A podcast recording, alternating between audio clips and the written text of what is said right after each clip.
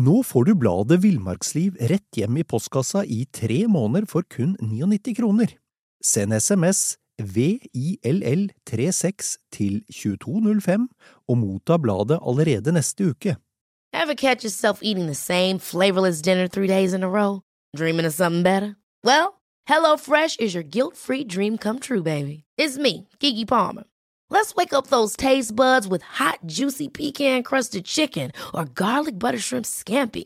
Mm. Hello Fresh. Stop dreaming of all the delicious possibilities and dig in at HelloFresh.com. Let's get this dinner party started.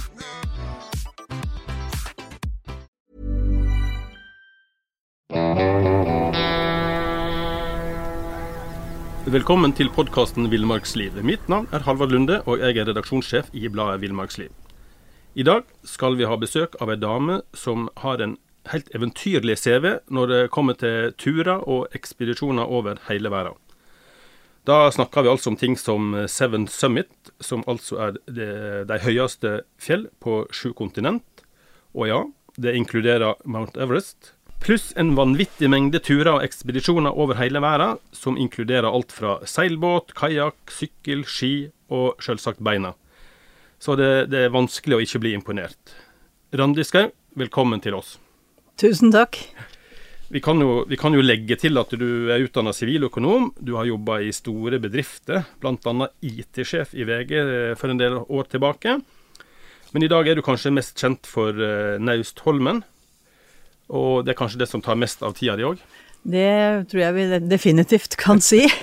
ja. Det er et sånn eh, heltidsprosjekt. Ja, for det er et serveringssted eh, på, er i Steigen? Det er en opplevelsesdestinasjon, ja. er det vi pleier ja. å kalle det da. Eh, og det ligger i Steigen i Nordland. Et fantastisk område. Ja, Har du vært her? Eh, deler av det, ja. Ikke nok. Nei, det går ikke an å få nok av det. Men vi skal, vi skal, komme tilbake til, til Naustholmen litt seinere. Men, men eh, altså, hvis vi spoler litt tilbake, Randi. Hva var det som skjedde? Du har liksom tatt en flott utdannelse, og du kunne jo blitt revisor eller noe annet morsomt, men du velger altså et liv fylt av turer og ekspedisjoner og, og eventyr. For meg så høres revisor ikke morsomt ut. men for noen er det sikkert det. Ja. Eh, men jeg er siviløkonom, da, så jeg har en økonomiutdannelse. Eh, men samtidig så har jeg liksom hatt ett bein i naturen hele tida, helt siden jeg var bitte liten, faktisk. Eh, jeg er jo vokst opp på en gård, eh, så det var ikke noe som skjedde seinere i livet. Det har vært sånn at helt fra vi var bitte små, så var det som kom der ut, unger, vær ute. Det var ikke noe snakk om å sitte inne. Og så fikk jeg bikkje når jeg var 13, og vi var jo ute hele tida. Og det lå jo til rette for å være i naturen, da. Så jeg har vel egentlig bare fortsatt med noe jeg likte veldig godt. Ja, akkurat. Men eh, eh, du, har jo, du har jo som sagt gjort veldig mange ekspedisjoner, turer som er litt mer sånn eh, Det er ikke bare en tur i marka, liksom. Eh, hva, er det som, hva er det som trigger at du velger akkurat den turen, og, gjen, og altså gjennomfører akkurat den turen? Det, det, starter nesten alltid med en eller annen tilfeldighet, en inspirasjon. Altså motivasjon er noe som kommer innante, ja. og inspirasjon er noe som kommer utante. Ja. Og det kan være en kommentar, eller det kan være noe jeg leser, eller noe jeg har hørt, og som, som trigger meg, da. Uh, og jeg er veldig opptatt av mestring, altså få til ting. Det har vært fra jeg var bitte, bitte liten. Jeg husker faren min, han sa bestandig at du klarer det, vet du. Ja, du klarer det. Ja, det klarer du. uh, og det gjorde at jeg blei sånn veldig mestringsopptatt av. Det var veldig opptatt av å få til ting. Uh, så særlig det med fjell, da. Det å komme opp på toppen av et fjell, og så ha, ha klart det. Mm. Det er noe som eh, ligger mitt hjerte veldig nær, da. Og så i tillegg så er jeg ekstremt glad i å gå på ski. Jeg syns det er så moro. Det er kanskje det mest morosamme som fins i hele verden, det er å gå på ski. Ja. Eh, så, så, det er på en måte en sånn kombinasjon av det å sette seg litt eh, høye mål, få til noe, og det å være ute. Bare, bare, altså, bare, det å være ute, det gir meg så utrolig mye. Det gir meg så mye ro. Jeg får tid til å reflektere, tenke veldig mye når jeg er på tur. Uh, og tenke på ting som jeg ellers aldri har tid til å tenke på. Og jeg har jo vært i næringslivet i årevis, og der handler det veldig mye om å utføre, utføre, utføre, utføre, gjennomføre, gjennomføre, gjennomføre. gjennomføre. Altså det går i den samme tralten hele tida. Mens på tur så blir livet veldig enkelt, på en måte. Det handler om å gå eller padle eller sykle. Litt meditativt? Og, Ja, på en måte så er det det. Det er en form for eh, meditasjon. Og da, da går hjernen på en litt annen frekvens, øh, og da får jeg tid til å se sammenhenger, og det, det for meg da er øh, en viktig del av det å være på tur, å få den der refleksjonstida. Tida til å tenke gjennom ting og sammenhenger og da, da hender det at lyset går opp. Absolutt. Men, men, en del av de turene som du har gjennomført, eh, krever jo en viss mengde forberedelser, altså tenker praktiske forberedelser, men også det mentale. Altså, du har jo vært på Mount Everest. Har du liksom en Randis-metode for, for, turplanlegging? Ja, jeg har i grunnen det. Uh, og det, for meg så er det, liksom, det er to ting som er viktig. Uh, det første det er å forstå utfordringa. Ja. Fordi de fleste turer er nå ikke uh, like heller. Så det også å, å skjønne det, jeg bruker ganske mye forberedelsestid på å forstå hva dette her egentlig handler om, og da kommer risiko veldig fort inn i bildet. Eh, forstå risikoen. Og, så handler det nummer to, da. Det er å øve. Ja. ja. Og lære seg. Øve og øve og øve. Og helt ned i sånne små detaljer. Jeg er ekstremt detaljopptatt. Eh, kanskje for andre litt i overkant detaljopptatt. Ja. Eh, og det er fordi at jeg har erfart at det er små detaljer som kan velte det store lasset. Det er helt sikkert. Spesielt på krevende turer. da. Men en del av forberedelsen er jo Eh, vi kommer jo aldri utenom penger. Det koster jo å dra på tur. Har du liksom en skattkiste som du bare kan øse av? Nei. Jeg er et helt vanlig menneske fra bygda og jeg er vokst opp med å jobbe. Ja. Eh, og for meg så har det vært det jeg har gjort. Jeg har jobba, tjent mm. penger, og så har jeg kanskje ikke brukt for mye, da. Nei. Nei. Nei. Så, og det er jo der som er den, den, viktige delen, at du ikke bruker opp alt du får inn. Ja. Så jeg har spart Eh, jeg, har, jeg var sponsa på Everest, mm. men ellers så har jeg på en måte ikke mottatt noe pengespons. Utstyr og sånt, det får man ganske enkelt, og der har jeg noen veldig gode samarbeidspartnere som har stilt opp, og jeg har testa utstyr og på en måte gjort en jobb for dem også, da. Men jeg syns det der med sponsing er en eh, litt sånn ugrei sak, fordi sponsing er ikke gratis. Du skal levere noe tilbake igjen. Og jeg liker bestandig å være på rettsida i forhold til å skylde noen noe. Eh, og kan vel kanskje være en sånn som gir på litt mye for å være sikker på at jeg leverer tilbake. Eh, og så er det ofte det med sponsing kan være litt sånn udefinerbart, og udefinert sånn i mengde. Så, så jeg liker bedre å egentlig eh, betale sjøl, for da har jeg ikke noe forpliktelse. Mm. Da er jeg fri. Og jeg liker å være fri. Ja, det har vi skjønt. Men vi, må, vi, vi har jo nevnt Mount Everest her et par ganger. Men i, det var vel 20. mai i 2004 da sto du på toppen som første norske kvinne. Hva var det som gjorde at du på en måte ville Altså, det er jo ikke risikofritt å dra til Mount Everest. Hva, hva var det som gjorde at du ville gå på den toppen? Eh, det, det var en veldig gammel drøm. Ja. ja, det var det. Og veldig Du spurte om inspirasjon i stad, og det starter jo ofte med en drøm, da. Ja. Eh, og en drøm er på en måte en litt sånn Eh, sky, litt sånn utydelig sky, hvor du ikke nødvendigvis ser så veldig klart hva du skal gjøre, men eh, ser relativt klart, da. Du har iallfall et bilde av hva du ønsker å oppnå. Og det med Everest, det starta når jeg var 18 15 år. I mai. Jeg husker ikke bare når det skjedde, men jeg husker lukta den dagen.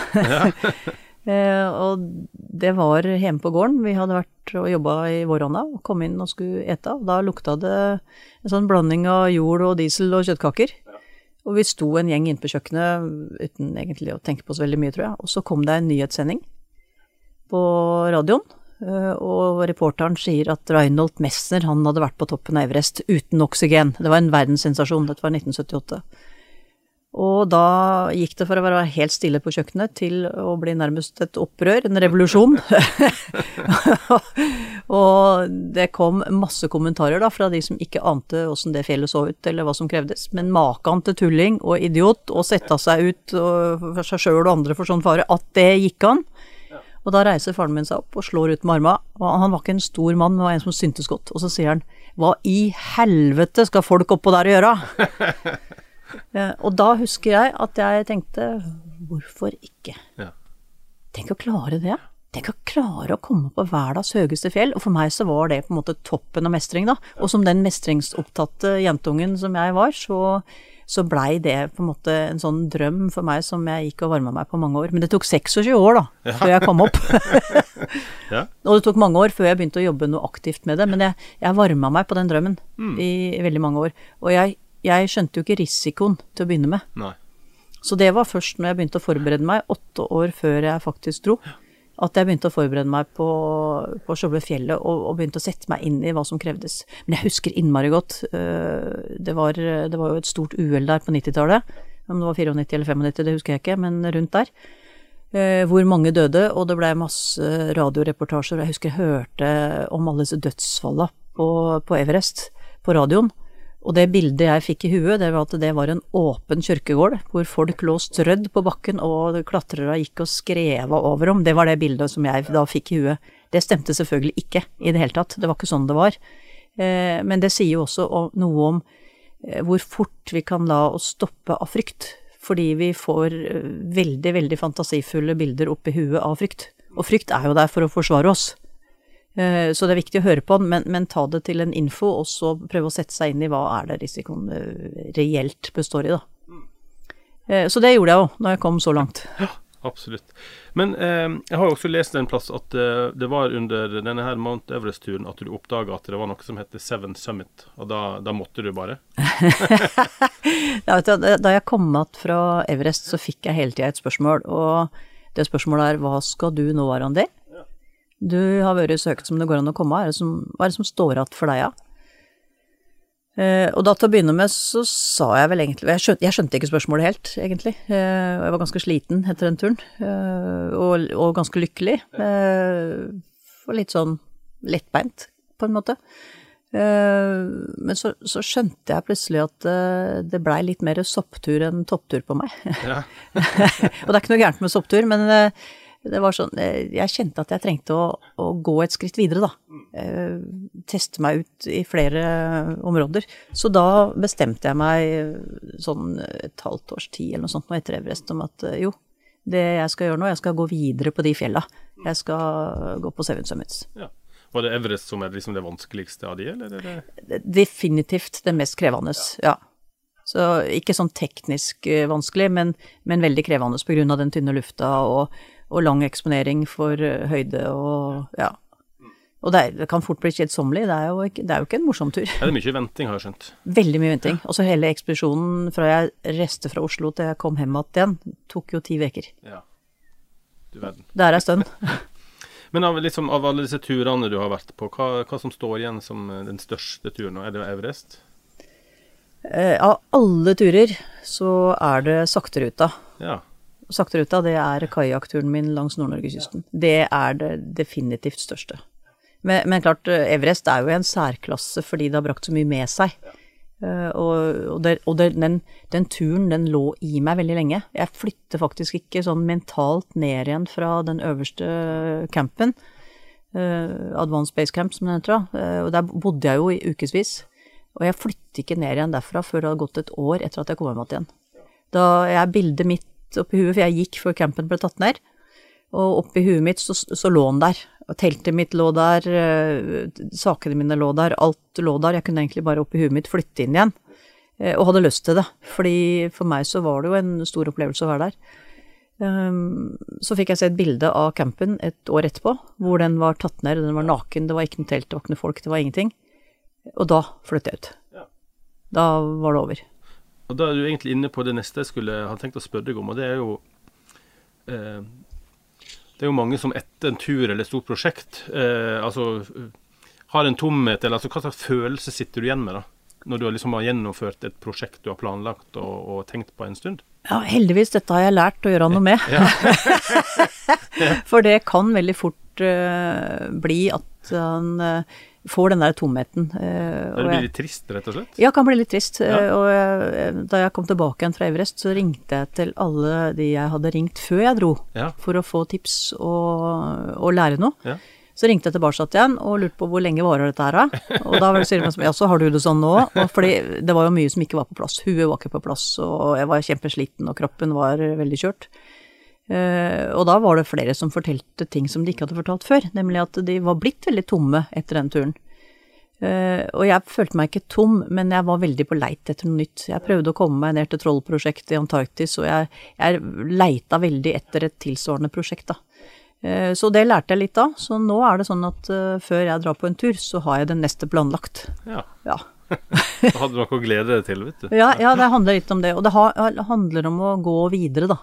Det tror jeg er veldig viktig for oss mennesker, at vi ikke, ikke blir stopper og så at alt er historie, men at vi har noe å se fram til. Vi trenger det, for det gir oss mening. Absolutt. Men Du var jo inne på sakteruta, og, og um, altså for en som hang opp ned under en kajakk for noen år siden, i en altfor liten kajakk og en altfor tjukk mann, så, så, fremstår det liksom en, en kajakktur langs um, Ja, du, du, skriver jo sjøl at du, du, skulle padle fra der trønderbarten slutta, til du hørte Altså hvis du hørte noen snakke russisk, så hadde du kommet for langt. Så altså, det er Nord-Norge-kysten, da. Det var jo morsomt ja. sagt, da. Takk. Um, kan du fortelle litt om det prosjektet? Det eh, kan jeg absolutt. Og det, du spurte jo i stad om hvor inspirasjonen kommer fra. Ja. Eh, og det der med å padle Nord-Norge-kysten, det starta med at jeg, jeg, kjente tre karer fra tre forskjellige miljøer. Ja. Og plutselig en dag så ser jeg de tre kara sitte ved samme bord. Og jeg blir sånn what? Kjenner dere hverandre? Ja, ja, det gjør de. Vi har padla i Nord-Norge sammen, sa de. Og dette var på 80-tallet. Det var ingen som padla i Nord-Norge, bortsett fra Bernt Salamonsen oppe i Honningsvåg. Ja. Ingen andre padla i Nord-Norge. Ja, nå skal alle padle der. Men den gangen så var det ingen som gjorde det. Og de hadde padla fra Bodø og ned til eh, Sandnessjøen. Ukestur. Eh, det var så svært at det kom på Dagsrevyen, faktisk. Eh, og disse gutta, han ene er jo naboen min, og, og liksom hver gang jeg treffer dem, så snakka de om det der prosjektet. Og så var jeg og gikk en tur eh, i Nepal, skulle på Amada Blam i Nepal, og da hadde jeg en femukerstur, og da fikk jeg jo tid til å tenke, da. Og da gikk jeg og tenkte liksom på hva, hva skal jeg gjøre for noe neste gang, tror jeg. Og så plutselig så kom den derre Jo, den derre turen, altså padle i Nord-Norge. Nei, det skal jeg. Eh, så da bestemte jeg meg egentlig for å padle hele kysten. Og så gikk Da, ble det beslutta, da. Oppe i fjella i Nepal der.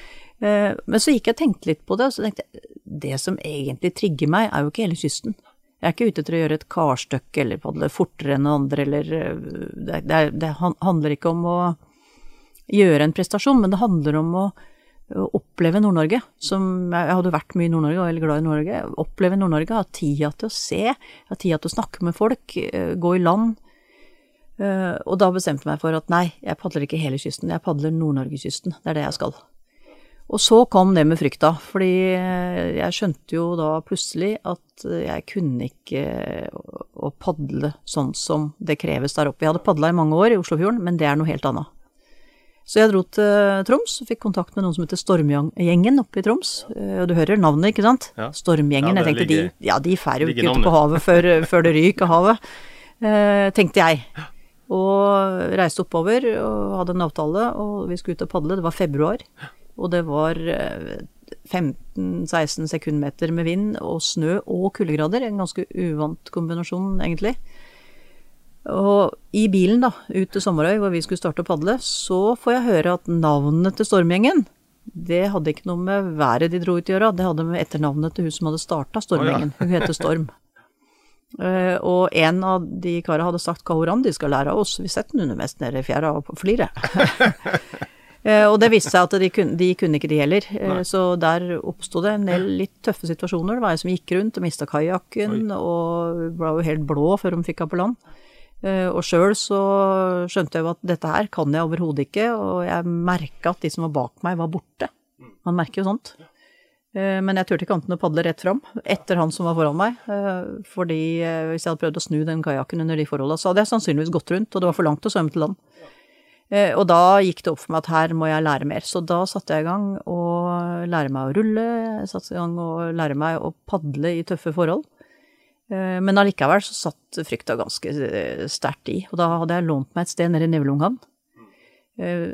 Som har en veranda som går over havet, og sto der nede og så utover en morgen, drakk kaffe.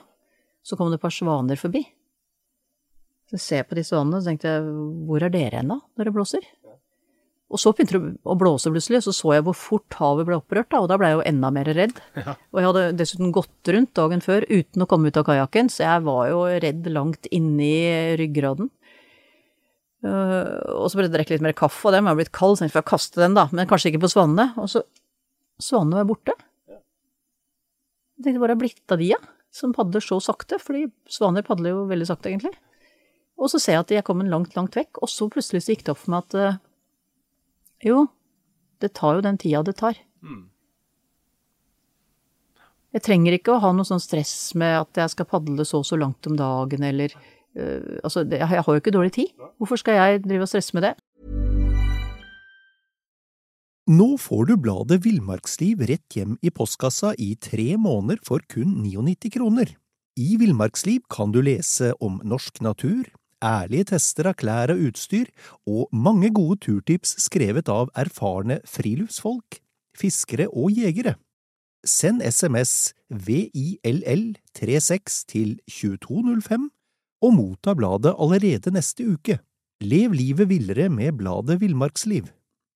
This is Paige, the co-host of Giggly Squad, and I want to tell you about a company that I've been loving, Olive and June. Olive and June gives you everything that you need for a salon quality manicure in one box. And if you break it down, it really comes out to $2 a manicure, which is absolutely insane. It's also so easy to get salon worthy nails at home with Olive and June. The difference between how your nails used to look when you did them yourself and now with the Manny system is a complete game changer. The best thing about Olive and June too is it's a quick dry. Dries in about one minute, lasts for five days, and full coverage in up to one to two coats. Visit oliveandjune.com slash perfectmanny20 for 20% off your first system. That's oliveandjune.com slash perfectmanny20 for 20% off your first system.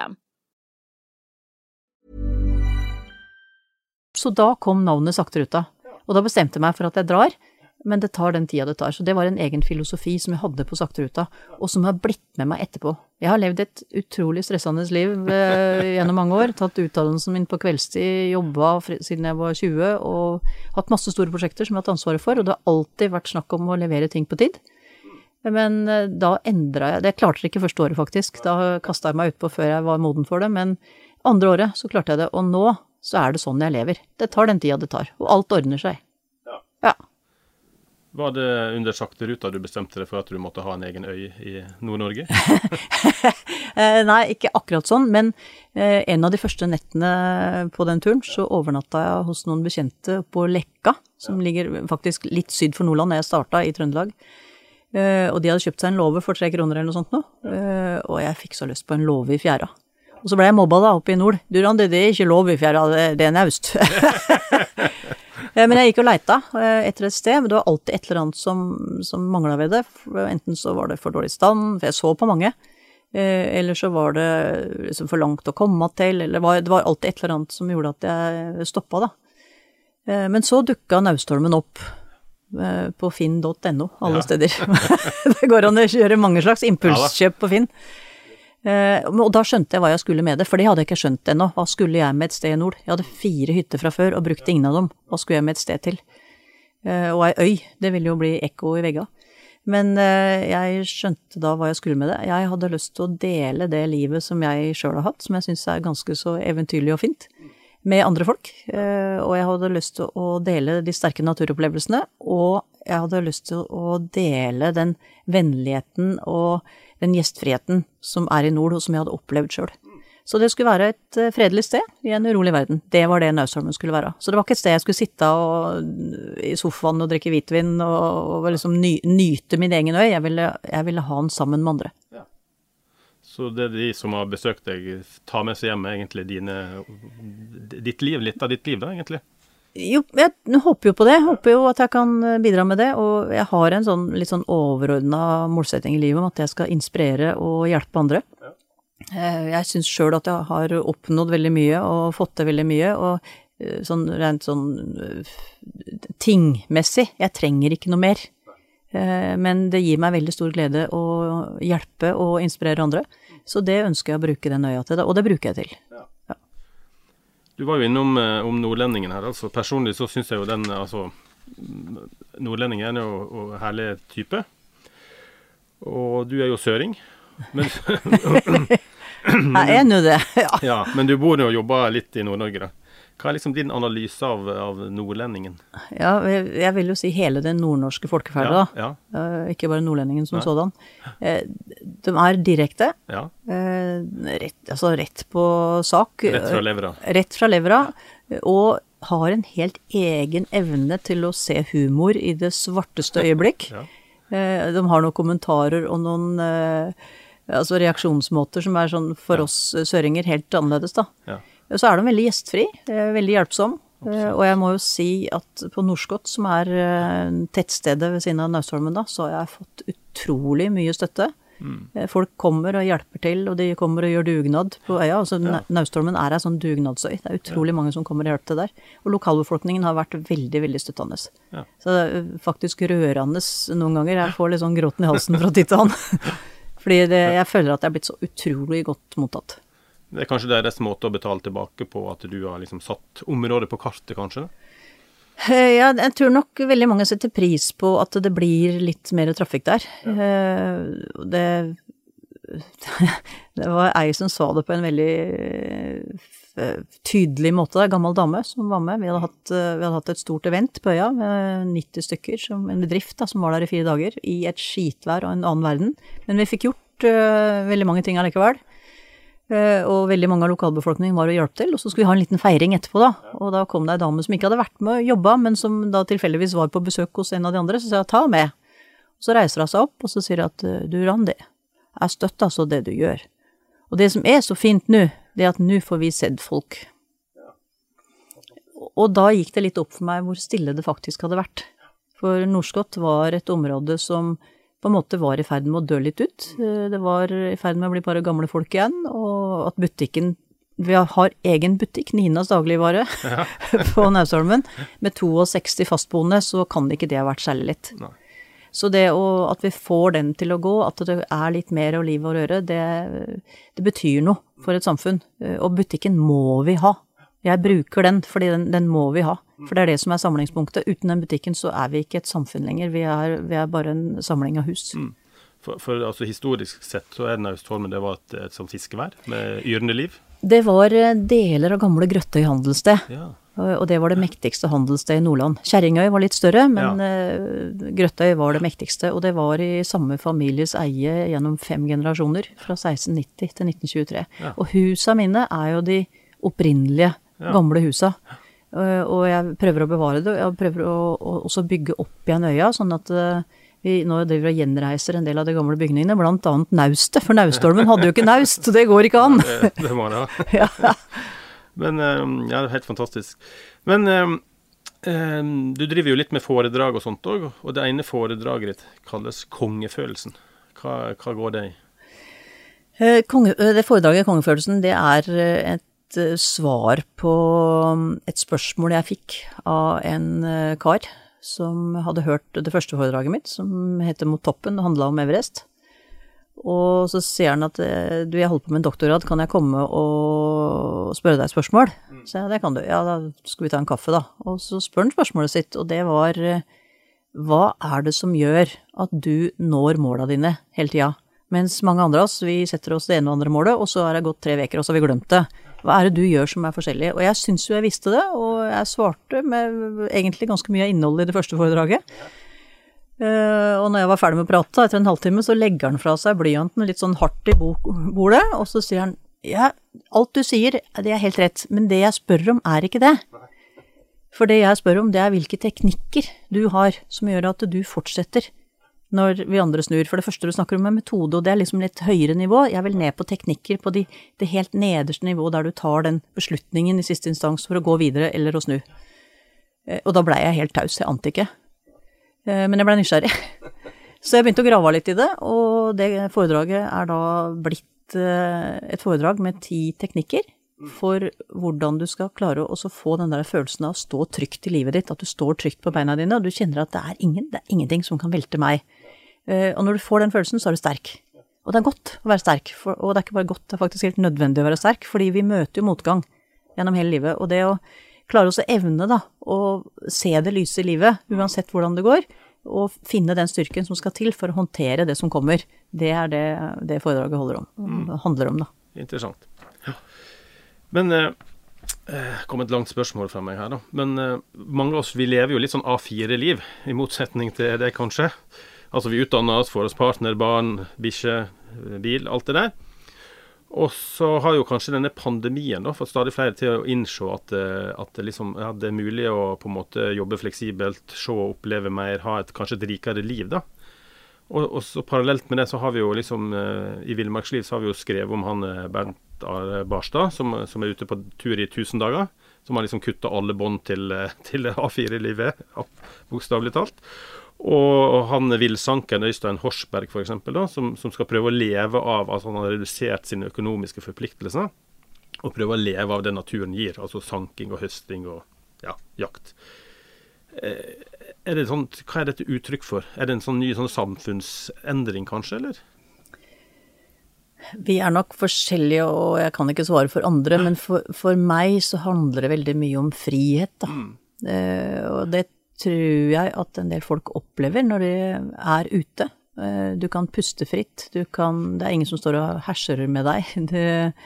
Du, du har, kan velge å sette deg ned eller å gå videre. Du kan eh, se på det som er rundt deg, og du får muligheten til å få mye inn istedenfor at du hele tida skal produsere ut, da. Og i det så ligger det veldig mye frihet, og frihet er en helt fantastisk følelse. Jeg har hatt veldig mye av det, og for meg så er det, det er kjempeviktig, og det har nok vært noe av den følelsen jeg har hatt når jeg er ute. Da er jeg helt fri. Uh, og jeg syns det er utrolig godt å være helt fri. Og jeg, finner, jeg finner på en måte stor trygghet i det. For den som er uvant med det, så kan det finnes kanskje en del utrygghet i det. Men da er vi tilbake til den metoden for å dra på ekspedisjon, da, med å forberede seg og skjønne hva det går ut på, og så øve. Og så, når du da får en mestring oppi det, så gir det også en form for frihet, da. Så jeg, jeg tror vel at den derre frihetstrangen ligger litt inni kroppen på oss alle sammen. Ja. Og vi finner den når vi er ute. Ja. Interessant. Du var jo innom at du liker å gi tilbake, og det har du gjort gjennom eh, forskjellige sånne hjelpeprosjekt, bl.a. minerydding og noe som heter Why. Kan du fortelle litt om disse prosjektene? Ja, det, dette her ligger jo veldig på hjertet mitt, da. Eh, det med minerydding, det starta da jeg skulle på det siste av Seven Summits. Eh, og da mista jeg faktisk litt sånn retning i livet. Jeg lurte på skal jeg, skal jeg gidde å dra på det fjellet. Jeg visste at jeg kom til å klare det, så det lå ikke noe mestring i det.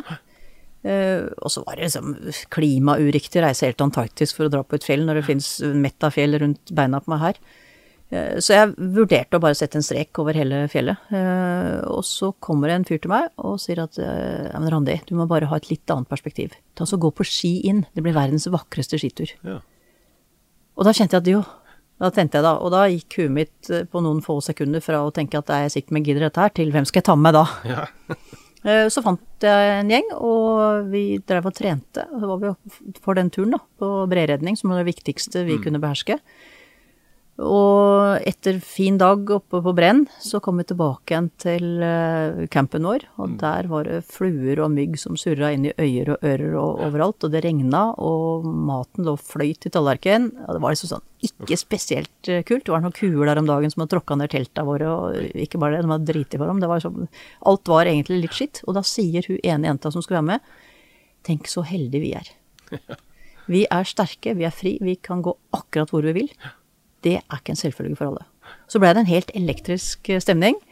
Eh, og for å gjøre en lang historie kort, så endte vi opp med å bestemme oss for å samle inn penger til minerydding i Afghanistan som en del av vårt prosjekt. Mm. Og da fikk vi retning. Da fikk vi liksom en mening med det vi gjorde, som kjentes veldig sterkt. Og alt på en måte ordna seg veldig lett, for når du veit hvor du skal, så, så ordner på en måte alt seg.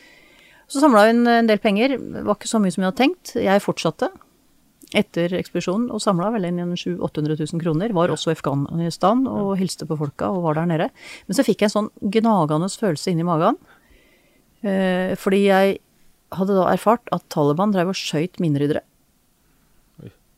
Og det høres jo helt, helt ulogisk ut. Meningsløst ut. Det, ja, det er meningsløst. Men greia var at dette var jo rein mafiautpressing. Vi kan la være å skyte mineryddere hvis dere bare betaler oss. Eh, og da førte jo det til at de penga som jeg hadde dratt inn da på veldedige foredrag, og når jeg ga, jeg ga 25 av boksalget mitt til minnerydding, Eh, og det tenkte det er jeg ikke villig til, og at de penga havner hos Taliban. Det vil jeg ikke. Og jeg kjente at jeg fikk ordentlig vondt i magen, og jeg gikk og tenkte på dette hele tida. Så ble Malala skutt. Og det skuddet, det traff også meg. Og så begynner jeg å tenke, eh, og kjenne på at jo, det viktigste for meg, det er fred. Fred er det viktigste vi har. Eh, og skal vi få fred, så må vi ha utdannelse og innsikt. Eh, og så hadde jeg også et sånn veldig sterkt behov for å gi noe tilbake til sherpaene, som, som bidra til at jeg kom på toppen av Everest. For uten dem så hadde jeg ikke klart det. Det er helt klart. Eh, så jeg hadde lyst til å gi noe tilbake, og de sherpaene de var av et folk som heter Båterfolket. Så da bestemte jeg meg for å, å lage et lite mikroprosjekt og gi utdannelse til båterfolket. De fleste har ikke hørt om det, de fleste tror at alle er sherpa. Eh, sherpa er også et eh, folkeslag, men det er også en yrkesbetegnelse. Så da starta jeg det prosjektet, og har holdt på nå Hvilken dato har vi i dag? Vi har Ja, vi er jo i februar, egentlig. Men 12. februar så er det ti år siden jeg starta ja. det prosjektet. Ja. Og, og har utdanna en lege Flott. Vi har fem unger som går på kostskole. Vi har eh, ansvaret for å betale lønna til en eh, lærer mm. på en skole. Nå er myndighetene i Nepal blitt så obs på det vi gjør, så de har sagt vi kan ta over den lønna. Eh, og da satte vi i gang med en ny lærer på en sånn førskole. Mm. En datalærer igjen. og har skaffa dem litt PC-er, fordi de var i ferd med å gå tom for PC-er. og dette her er, dette er veldig kult å holde på med. Mm. Og hun som da også er med i styret i dette prosjektet, er kona til Sering, som var min fjellguide på Everest. Hun har også lyst til å bidra, så hun starta med å produsere armbånd. Sånt, hvis du ser på armen min, så har jeg to sånne fargerike armbånd. Og det har tatt helt av. Ja. Eh, så hun setter i gang kvinner med å lage det, så får de 80 kroner stykket, og så selger de for 275. Ja. Og mellomlegget går da til utdanning i Nepal. Og i fjor så solgte vi over 900 sånne armbånd på øya. Yes. Så jeg tror 90% av gjestene som er hos oss, de kjøper sånne armbånd. Og 100% av dem får høre om prosjektet. Ja. For det, det, er viktig for oss å, mm. å fortelle at vi eh, Altså FN har jo noen sånne bærekraftmål for reiseliv, og mm. de er nøye fulgt opp hos oss. Og det handler om å hjelpe til i bygda, i nærområdet, og det handler om å inkludere og, og hjelpe folk i andre mm. deler av verden. Så det gjør vi. Så flott. Så hvis du vil støtte, så er det å kjøpe armbånd, enten eh, fysisk eller kanskje på nett òg? Eh, vi har ikke lagt ut på nett, Nei. men det går an å ta kontakt, så klarer vi å skaffe det. Ja, ja. så flott. Eh, dette, dette, fører oss kanskje over til et, et, annet tema. da. Altså Det er jo mange i dag av de yngre som eh, Det kan i hvert fall fremstå som at de har, liksom, de har høye krav fra oss foreldre, og fra skoleverket, og sosiale medier og TV-serier, og skaper jo kanskje et inntrykk av at alle andre lever perfekte liv med altså, sola skinner og livet går på skinner. Men, men, sånn er jo ikke virkeligheten. Så hvis du liksom Hvis du nå kunne gått tilbake til uh, unge Randi som var 12-13-14 år, hva ville du sagt til deg sjøl? Eh, jeg ville sagt til meg sjøl at lær deg noe praktisk. Gjør noe med hendene dine. Eh, jeg tenker at en av grunnene til at mange unge i dag sliter, det mm. er at det meste av de krav og forventninger som er til dem, handler om det de skal prestere i huet. Mm. Eh, mens det å prestere ting med hendene, få til ting, eh, gjøre praktiske ting som du ser et konkret fysisk resultat av, ja. det er en veldig viktig greie. Uh, og jeg er Jeg gjorde jo det den gangen òg. og jeg er veldig glad for det. Jeg vokste opp på en gård, som jeg nevnte. Og det gjorde jo at vi veldig tidlig ble satt i gang med å gjøre ting. Uh, og har jo gjort at jeg evner å få til veldig mye ting også i dag. Mm. Så akkurat nå så kom jeg hjemme fra kjelleren min oppe på Solumskauen i Oslo, hvor jeg var så uheldig å ha vannlekkasje i fjor. Og har revet ned alt og gravd ut og driver og bygger opp igjen. Mm. Og det å, å, å, klare å gjøre mye, da, eh, å få til ting, det er en veldig sånn stor mestringsfaktor. Mm. Og jeg, jeg, eh, tenker da at eh, for unge i dag også, så er det viktig å gjøre ting fysisk, gjøre ting med henda. Fordi det er også Det er gjort noen studier på det, noe som heter mm. Lucys tommel. Ja. Som handler om hvordan hjernen blir utvikla av at vi bruker hendene. Og det holder ikke å drive på tastatur, liksom. Det, du, må, du, må, snu og vende på hendene, og jo mer du driver og snur og vender på hendene, jo bedre utvikler hjernen seg. Ja. Jo flere koblinger får du i hjernen. Så det å bruke hendene sine eh, og gjøre ting som er fysisk, snekre litt eh, Og nå er det kanskje ikke det så lett alltid i en leilighet da, hvor alt er eh, tilrettelagt, og du har ansvarsrett som gjør at man ikke har nesten lov til å gjøre noe. Men eh, finne oppgaver som du kan gjøre, og, og komme seg ut og få frisk luft og blå himmel. Ja, det er det beste. Men for, eh, før vi avslutter her, så må vi vi, vi må spørre om det. Er, er det liksom et øyeblikk? Jeg tenker ikke bare på en tur, men er det liksom ett øyeblikk som liksom som du liksom ser tilbake på eh, som, som, og, du, og som du setter høyere enn noe annet? Noe som har liksom brent seg fast på netthinna? Da kommer det et øyeblikk til meg med en gang, Ja. eh, og det var når jeg hadde padla Nord-Norgekysten. Med så mye skrekk og gru i forkant, eh, og, og følelse at dette her er noe jeg ikke behersker. Eh, og så tenkte jeg jo til slutt at eh, jeg kan ikke vente med å danse til jeg kan det. det er, man må bare kaste seg ut på gulvet. Så jeg padla jo nordover, og det skulle ta en sommer, det tok tre, heldigvis. Ja, ja. Fordi da hadde jeg mye større mulighet til å fordøye inntrykka. Og når jeg da kom fram til russergrensa, og padla inn der i et strålende vær. Vi hadde god tid. Vi, vi bremsa faktisk litt på slutten for å, å, å liksom kjenne på hva som var riktig øyeblikk, og plutselig en dag så nå er det riktig øyeblikk, og så padler vi inn, og så padler jeg inn der, og så kjenner jeg at nå, så sterk som jeg er nå, har jeg aldri vært. Da var jeg 53 år. Fantastisk. Og så drar jeg arma i været, og så tenkte jeg nå er jeg havpadler. Nå er jeg det. Nå kan jeg det. Eh, Og det var en eh, vanvittig sterk følelse. Helt utrolig følelse. En kongefølelse. Ja, det var en kongefølelse. ja. Ja. Eh, Randi, tusen takk for at du har eh, delt med oss i dag. Tusen takk for at jeg fikk lov til å komme.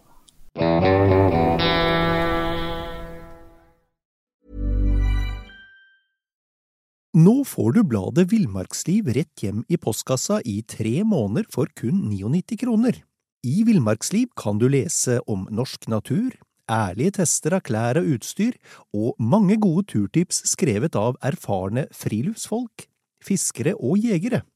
Send SMS VILL36 til 2205 og motta bladet allerede neste uke. Lev livet villere med bladet Villmarksliv.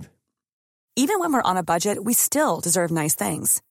Quince is a place to scoop up stunning high-end goods for 50 to 80% less than similar brands. They have buttery soft cashmere sweaters starting at $50, luxurious Italian leather bags, and so much more. Plus, Quince only works with factories that use safe, ethical, and responsible manufacturing. Get the high-end goods you'll love without the high price tag with Quince. Go to quince.com slash style for free shipping and 365-day returns. Ever catch yourself eating the same flavorless dinner three days in a row? Dreaming of something better? Well, HelloFresh is your guilt-free dream come true, baby. It's me, Kiki Palmer. Let's wake up those taste buds with hot, juicy pecan-crusted chicken or garlic butter shrimp scampi. Mm. Hello Fresh. Stop dreaming of all the delicious possibilities and dig in at HelloFresh.com. Let's get this dinner party started.